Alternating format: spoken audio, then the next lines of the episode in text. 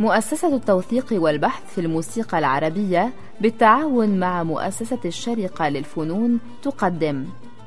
دروب النغم.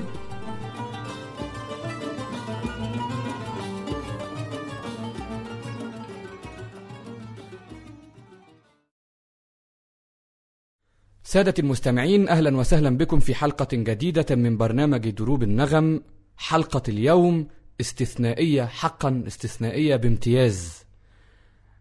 الحلقة عن المقام العراقي والذي نحاوره اليوم أسطورة حقيقة أسطورة حية من أساطير المقام العراقي. أستاذ حسين الأعظمي المقام في العراق ليس كما نعرفه نحن في باقي المشرق العربي.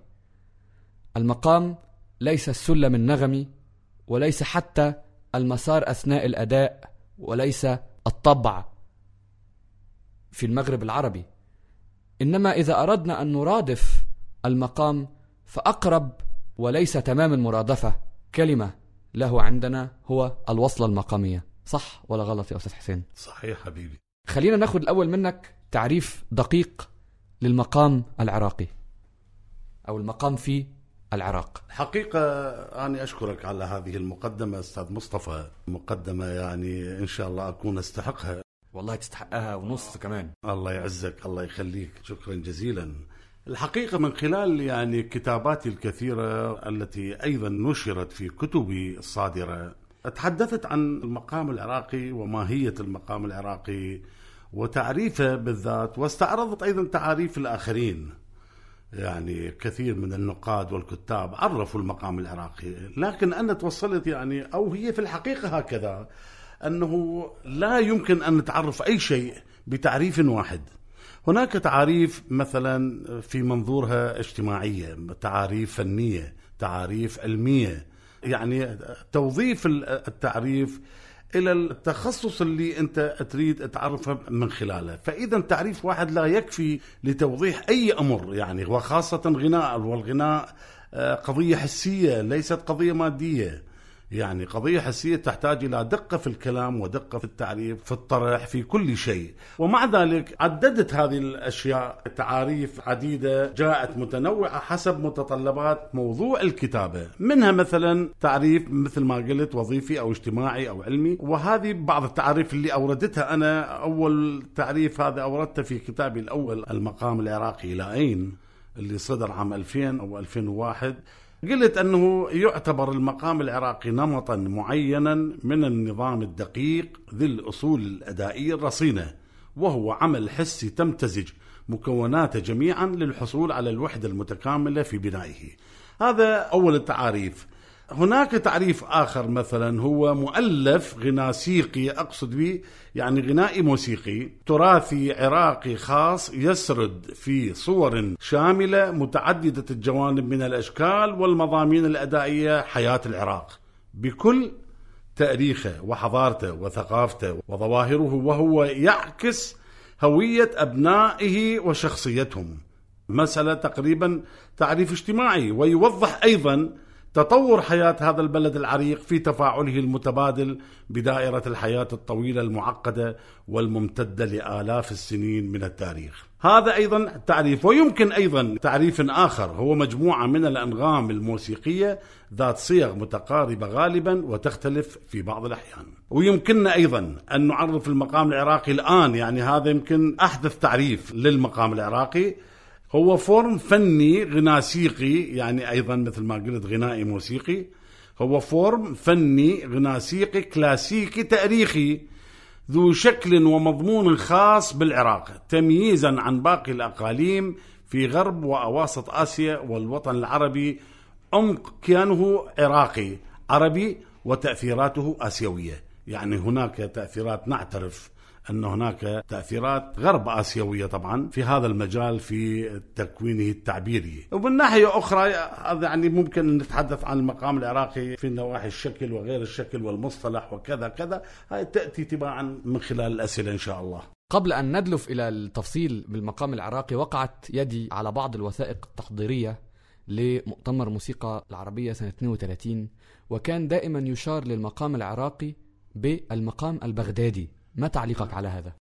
شرح هذا الموضوع شرح طويل الحقيقة يمكن يحتاج إلى محاضرة كاملة أو إلى كتاب كامل تتحدث عن المقام البغدادي كمصطلح والمقام العراقي كمصطلح في نفس الوقت. أولا خلينا نتكلم عن المقام العراقي مصطلح المقام العراقي. المقام العراقي كمصطلح أنشئ هذا المصطلح يعني تقريبا نسبة إلى تأريخ المقامات العراقية والغناء العراقي. يعتبر حديث العهد منذ قرون قريبة يعني ثلاثة قرون أربع قرون كمصطلح كاسم يعني. نقصد بها. فهي موجودة المقامات وموجودة التعابير الأدائية وموجودة كل شيء لكن تبلورت هي هنا المنعطف. هذه التعابير عبر التاريخ الطويل تبلورت وتطورت كثيرا وتداخلت فيها ثقافات عديدة ومراحل ثقافية عديدة ومراحل سياسية عديدة ومراحل اقتصادية واجتماعية وغيرها وغيرها وفنية إلى أن تبلورت رويدا رويدا بدأ يتكون فورم. يعني هذه الأداءات تقننت بمرور الزمن وبدأت تتوضح يعني أصبحت بمرور الزمن واضحة الأبعاد فيها بداية فيها وسط فيها نهاية. وهاي البداية والوسط والنهاية كونت فورم للمقام العراقي ليصبح خمس عناصر أساسية موجودة في كل مقام على حدة. هنا أصبح هذا الغناء وهذا الفورم يسمى بين قوسين المقام العراقي بشكل عام.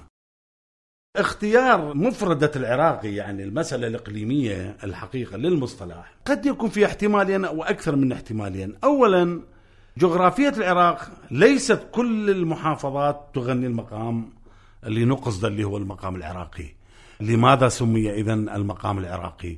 أعتقد هذا تحليلي الشخصي. المقام لما وصل إلى بغداد وتبلور في بغداد وتقنن في بغداد العاصمة في أي عاصمة بالعالم هي تمثل كل البلد. ولهذا السبب المقام اللي هو في بغداد عندما تقنن وأصبح فورم واضح الابعاد وفيه العناصر والأركان والكذا والكذا نطى صفة جامعة للبلد باعتبار هذا اللون نشأ أو تبلور وتطور في بغداد وبغداد هي العاصمة اللي تمثل كل البلد. ولهذا السبب سمي المقام العراقي ولم يسمى المقام البغدادي اصطلاحا. والاحتمال الثاني للمصطلح المقام العراقي عندما نقول المقام العراقي هذا يعني أن هناك مقامات غير عراقية. موجودة في غرب آسيا خاصة. المقام الإيراني المقام التركي المقام الأذربيجاني الم... يعني مسائل إقليمية. قد يكون من هذا الجانب سمي المقام العراقي تمييزا عن باقي الأقاليم وتمييزا عن مناطق أخرى من اللي تتناول أو تتداول مسألة المقامات. مانيش شايف الفرق العظيم قوي يعني. بين المقام في أذربيجان والدستجال الإيراني والمقام العراقي والفاصل التركي والوصلة المشرقية والطبوع. أنا مش شايف الفرق العظيم صراحة. أنا شايفهم أنه اختلافات زي اختلافات اللهجات في كل أقاليم لأمة واحدة يعني زي كل اختلاف بين لهجة الكلام في مصر ولهجة الكلام في العراق إلى آخره. في كمان اختلاف في المقام العراقي ووصلة المقام أو الوصلة الموسيقية. أنا مش شايف صراحة الفصل العجيب اللي حصل بعد الدويلات اللي حصلت في المنطقة يعني. على كل حال نبدأ نتكلم عن المقام البغدادي. المقام. البغدادي يا سيدي إحنا في العراق المحافظات التي تغني المقامات. أنا في كتابي الثاني الحقيقة المقام العراقي بأصوات النساء اللي خصصته عن التجربة النسوية في غناء المقام العراقي طيلة القرن العشرين. الباب الأول كان كله دراسة مستفيضة. قلت كلمات أو قلت آراء بحيث لا تزال حتى اليوم تواجه التأييد والمعارضة في نفس الوقت. وكثير من النقاد يعني انتقدوا بعض الآراء اللي طرحتها ولكنني لا أزال أعتقد أنني تكلمت ما أحس به فعلا وما أعتقد أنه صحيح ولهذا السبب طرحت هذه الآراء في ذلك الكتاب. والرأي اللي كان أكثر سيادة في التداول هو عندما طرحت أن أصل المقامات بيئة المقامات أصلها أصل جبلي فكيف وصلت إلى بغداد وبغداد أرض مستوية؟ فالمقامات العراقية في محافظات شمال العراق اللي هسه حاليا الإقليم إقليم كردستان العراق اللي كله جبال يعني منطقة جبلية فعلا. هذه المناطق نراها هي وهي فعلا كذلك أنها هي أصل موطن في الحقيقة لهذه الأداءات المقامية وتمتد إلى كل غرب آسيا وغرب آسيا معظم أو كل دول غرب آسيا فيها جبال كثيرة وتتمتع بهذه البيئة الجبلية الموجودة في هذه الجغرافية الواسعة الأطراف من الغرب الآسيوي. ولهذا السبب نسأل يعني السؤال يطرح نفسه كيف وصلت إذا المقامات إلى بغداد وبغداد أرض مستوية؟ ونحن نقول ونؤكد أن المقامات أصل بيئتها بيئة جبلية. لو لم تكن عاصمة بغداد حتى في زمن الانحطاط حتى في زمن الاحتلالات حتى في زمن الفترة المظلمة بعد سقوط العباسيين 656 هجرية 1258 ميلادية. حتى اليوم وهاي سبعة قرون إلى عام 1958 تاريخ استقلال العراق. يعني سبعة قرون بالتمام والكمال. 1258 ميلادية سقوط العباسيين. 1958 استقلال العراق.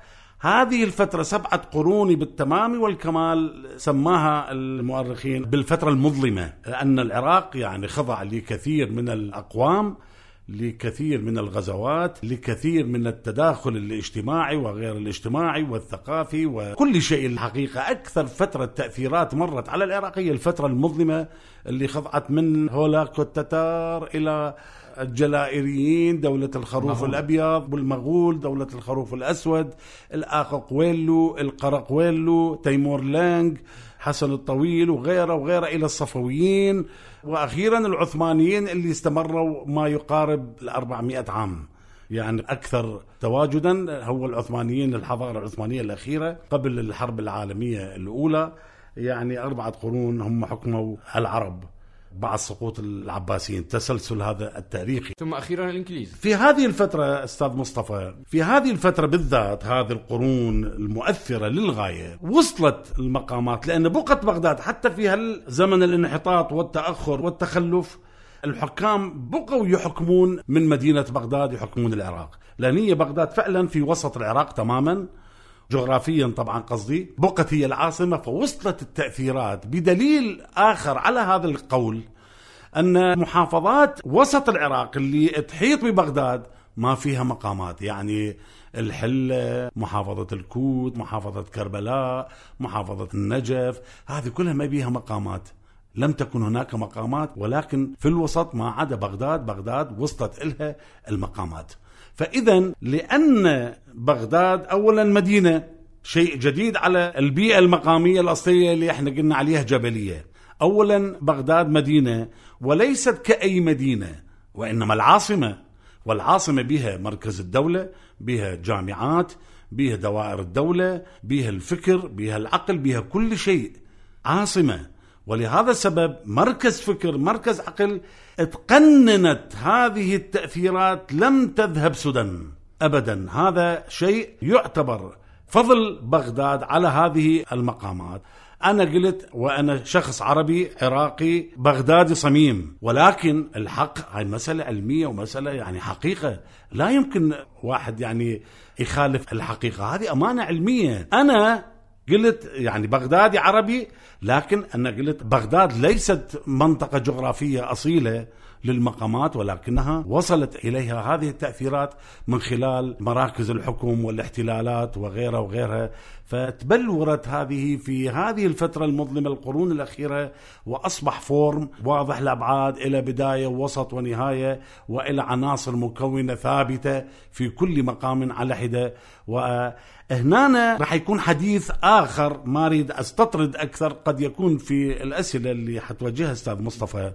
هنا نتحدث عن فضل بغداد على المقامات كيف أصبحت من خلال مدينة وليست جبال؟ نعم اللي هو تقنين صناعة المقام أو تحويل الشيء من موسيقى نوع من الفولكلور الشعبي إلى موسيقى فصحى إنجاز ترجمة كلمة كلاسيك لفصحى يعني. نعم. والله أنا صراحة ما عنديش أي خلاف معاك في اللي أنت قلته غير خلاف تاريخي فقط هو تسمية 700 سنة بالعصور المظلمة أنا عندي توجه مخالف للتاريخ اللي درسوه لنا المستشرقين يعني بس عموما يعني هذا الخلاف في الرأي لا يفسد الود قضية أبدا نعم.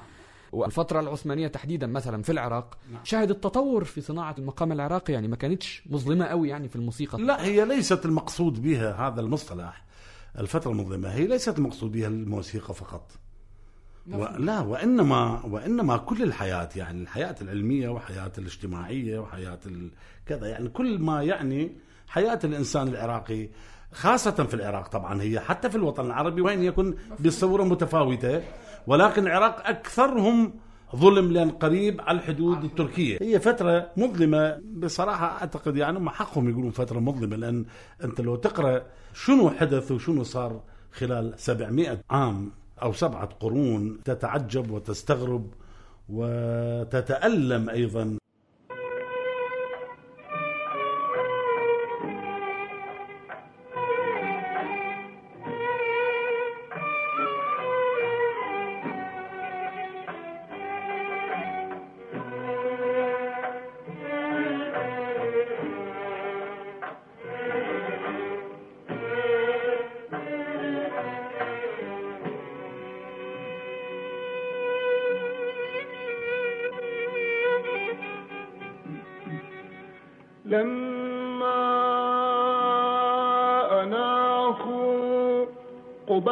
الصبح عيسهم وحملوها وسارت بالهوى الإبل لما أناخوا قبيل الصبح عيسهم وحملوها وسارت بالهوى الإبل يا حادي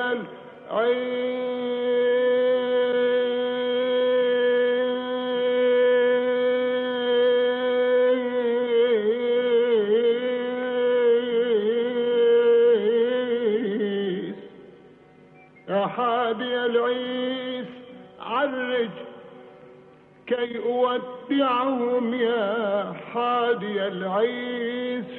ترحالك الأجل.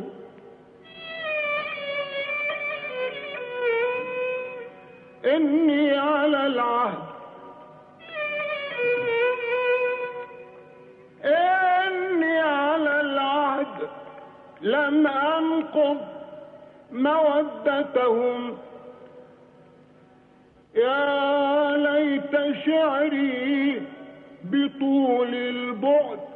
يا ليت شعري بطول البعد ما فعلوا صحت مظلوم مسقوم سايب خايب يا قلبي. لما علمت لما قد رحلوا وراهب الدير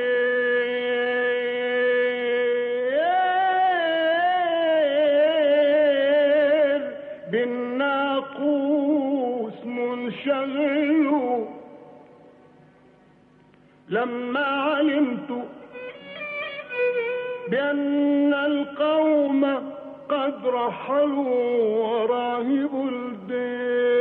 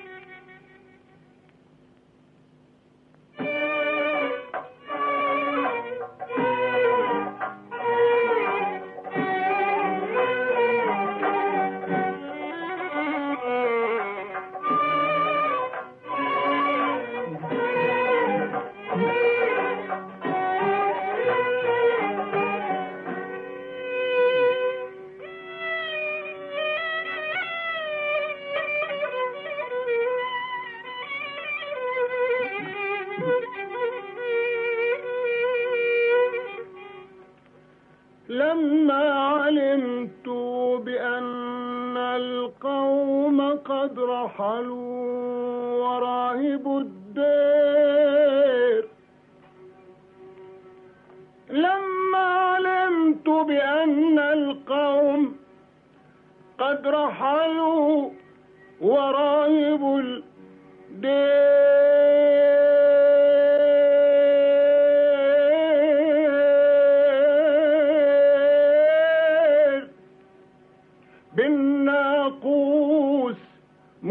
منشغل شبكت عشري على رأسي. شبكت عشري على رأسي وقلت له يا راهب الدير هل مرت بك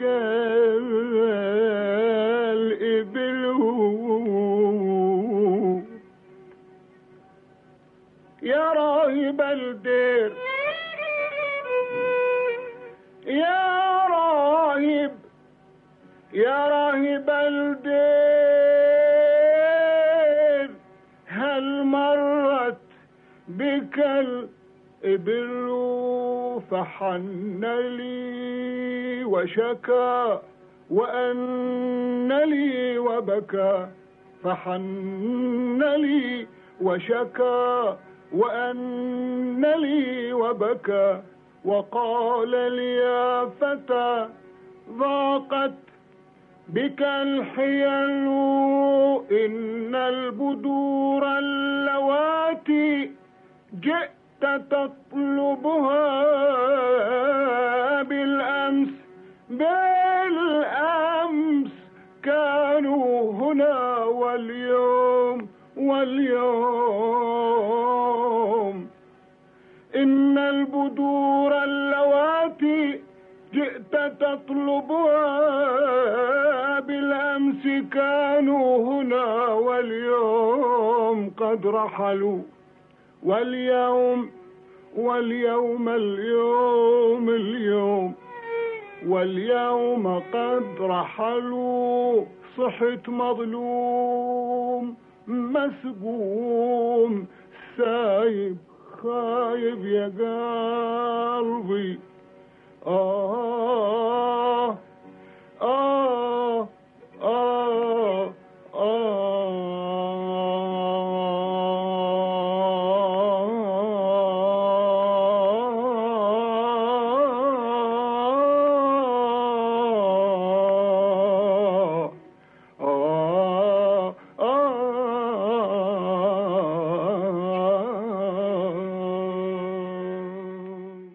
نرجع للمقام العراقي. ونبدأ بقى تسلسل تاريخي لنشأته الجبلية.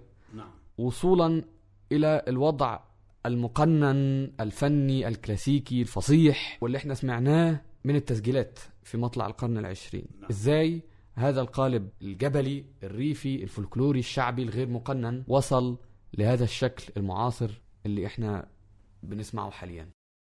مثل ما قلت أن بغداد عاصمة العراق. وهي مركز الحكم دائما منذ أن أسست أو أنشئت. هي إذا مركز العقل ومركز الفكر ومركز دوائر الدولة ومركز الجامعات ومركز كل شيء يعني. ولهذا السبب تقننت فيها أمور كثيرة وإحنا الآن حاصرين موضوعنا في الموسيقى. فتقننت المسائل الموسيقية التراثية. هذه التأثيرات المقامية تقريبا القرن التاسع عشر وصل المقام العراقي إلى ذروة كلاسيكيته.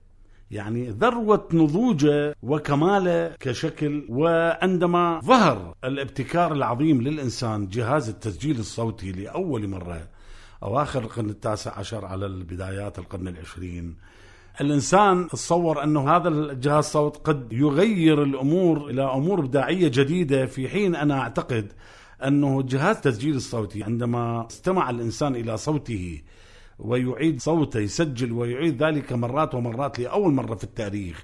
يعني نظام الإعادة امتلكها الإنسان لأول مرة. أعتقد هنا أنه في هذه المرحلة ثبتت كثير من الأصول والمسارات اللحنية.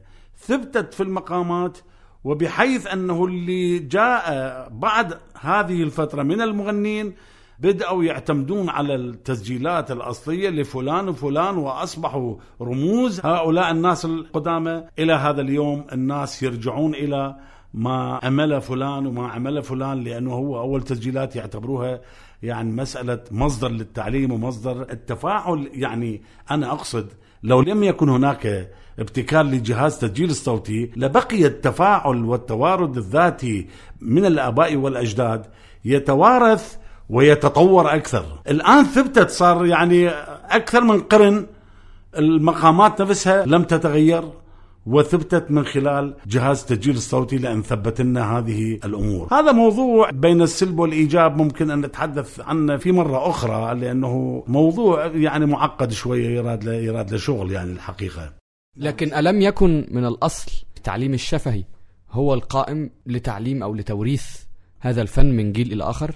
الآن؟ قبل التسجيل. طبعا هو بالتأكيد هو أنا دا أقول أنه قبل الجهاز التسجيل الصوتي قبل هذا الابتكار العظيم. ماكو غير طريقة يعني ما في أي طريقة أخرى غير التوارد الذاتي من الآباء والأجداد. يعني هذه هي الوسيلة التعليم الوحيدة أنه من الآباء والأجداد يتعلمون. فهذه مسألة طبيعية في كل زمن قبل التكنولوجيا الحديثة بالتأكيد كله يعني عن الآباء والأجداد. فإذا التسجيل بس قنن ده يعني خلى إنه في للجد صوت يسمع. خلى صوت وثبت الجد. يعني لا يزال الجد هو السائد من خلال جهاز التسجيل الصوتي. أنا تعلمت المقامات أنا شخصيا. أنا تعلمت المقامات من خلال المسجل. مش عبر مدرس تقصد؟ لا ما في مدرس في البداية طبعا. يعني أنا أبويا صح والدي كان يغني مقامات عمي كان يغني مقامات أعمامي يعني أخوالي يغنون كلهم مقامات بيئة مقامية. امتلكت التراث يمتلك ولا يعطى. أنا امتلكت التعابير بشكل طبيعي عفوي من خلال هذه البيئة اللي أنا عايشة في الأسرة وفي المنطقة. ولكن كأصول هذا المقام في فلان شيء كذا كذا فلان محطة فلان محطة فلان محطة هذه أول مرة حفظتها من خلال المسجل وحفظت كثير من المقامات من خلال التسجيل الصوتي وبدأت أيضا أنشئ مقامات خاصة بي أيضا من خلال تعدد ما أسمع من خلال التسجيل الصوتي إلى أن مضى الزمن ورحت إلى معهد الدراسات النغمية العراقي كطالب موسيقي. عند ذاك قمت أسأل هذه القطعة شنو؟ هذه المحطة شنو؟ فهمت أنا شنو تعلمت؟ يعني كنت تعلمت المسار اللحني كله دون أن أستطيع أن أشرح. ولكن المعهد خلاني أتعلم هذا الشيء اسمه فلان شيء. هذا فلان شيء هذا كذا هذا كذا إلى أن تعلمت أنا أعرف أنه المقام الفلاني مسارات اللحنية تمر بكذا بكذا بكذا. إذا هي يعني من الآخر مسألة التسجيل اللي بيتعلم منها هي مسألة شطارة شخصية ممكن واحد يتعلم منها يبقى مبدع وممكن واحد يتعلم منها يبقى بغبغان يعني. فعلا فعلا. يعني لا لا فعلا صحيح. لا مو أنا شوف شنو عملت أستاذ مصطفى حتى يستفيد من الجيل اللي يسمع. أنا من أحفظ المقامات نصا. ببغاء يعني. من أحفظ المقامات مثلا مقامات محمد القبنشي صحيح أنا كلها حافظها. مقامات مثلا يوسف عمر حفظت منها. مقامات عبد الرحمن العزاوي حفظت منها مثلا. ولكن يا سيدي ماذا فعلت؟ التفكير الشخصي العفوي وأنا في عمر مبكر. يعني وبدون تجربة خارجية. يعني ماكو معلم عندي منطقتنا وعائلتنا محافظة. أنا لم أتعرف على أي فنان حقيقي كفنان إعلامي إذاعة وتلفزيون قبل ولوجي إلى عالم الغناء في المتحف البغدادي مطلع 73 عام 1973 يعني تصور أنا هاي الفترة كلها عمري 20 سنة أكثر من 20 سنة أنا ما متعرف على أي فنان معروف. فكلها اعتماد شخصي على العائلة وعلى كذا وكذا وهم غير متخصصون ولكن يأدون. يأدون هذه المقامات. على كل حال ماذا فعلت؟ بدأت أجيب مثلا نقول مقام الحكيمي. خلينا نفترض. مقام الحكيمي أجي أسمعه من عبد الرحمن العزاوي أسمعه من يوسف عمر أسمعه من القبانشي أسمعه من نجم الشيخلي أسمعه من عدد من المغنين لنفس المقام. أرد أشوف كل واحد منهم في مقام المعين مقام الحكيمي مثلا. ماذا فعلوا؟ بمسارات اللحنية مالتهم. ما هي الأشياء المتشابهة وما هي المختلفة؟ المختلفة هذا يعني أنه أنا حر فيها. يعني ممكن أعملها ممكن ما أعملها لأنه مو الكل عامليها الأشياء اللي اتفقوا عليها كلهم إذا هاي ثابتة. فإذا هذا لابد أن أعملها أنا. ولهذا السبب أنشأت المقامات الخاصة بي وأنا لم أقدم نفسي إلى وسائل الإعلام بعد.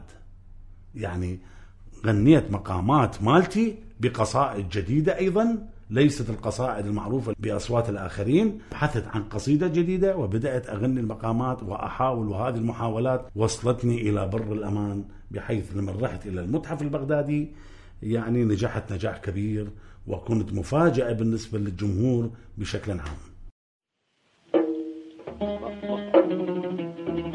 مقام حكيمي.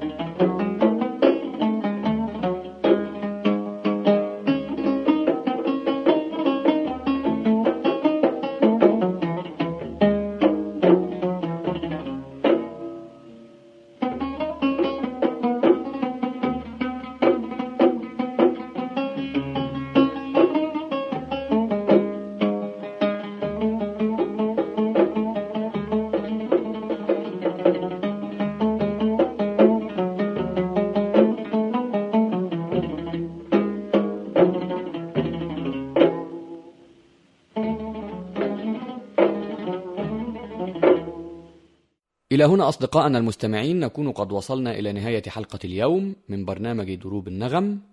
نشكر الأستاذ المطرب العراقي والمفكر الموسيقي الأستاذ حسين الأعظمي. ننوه أننا قد استمعنا في هذه الحلقة إلى مقامين أحدهما بصوت الأستاذ محمد القبنجي ومجموعته الموسيقية وهو مقام حويزاوي والثاني معزوفا من تسجيلات مؤتمر الموسيقى العربية في القاهرة 1932 عزف عزوري هارون على العود. ننوه أيضا أن طوال الحلقات التي نتحدث فيها عن المقام العراقي لن تكون مؤسسة التوثيق والبحث في الموسيقى العربية هي المصدر الوحيد للتسجيلات التي سنستمع إليها. إنما أيضا استعنا بالعديد من المكتبات الموسيقية الأخرى كمكتبة الدكتور أحمد السبكي والتسجيلات الكاملة لمؤتمر الموسيقى العربية في القاهرة 1932 التي صدرت عن المكتبة الوطنية بباريس إعداد الأستاذ الدكتور جون لومبير. كذلك بمكتبة الشيخ خالد الثاني والأستاذ أحمد الصالحي الشكر للجميع وإلى أن نلتقي في حلقة جديدة من برنامج دروب النغم. نترككم في الأمان. دروب النغم.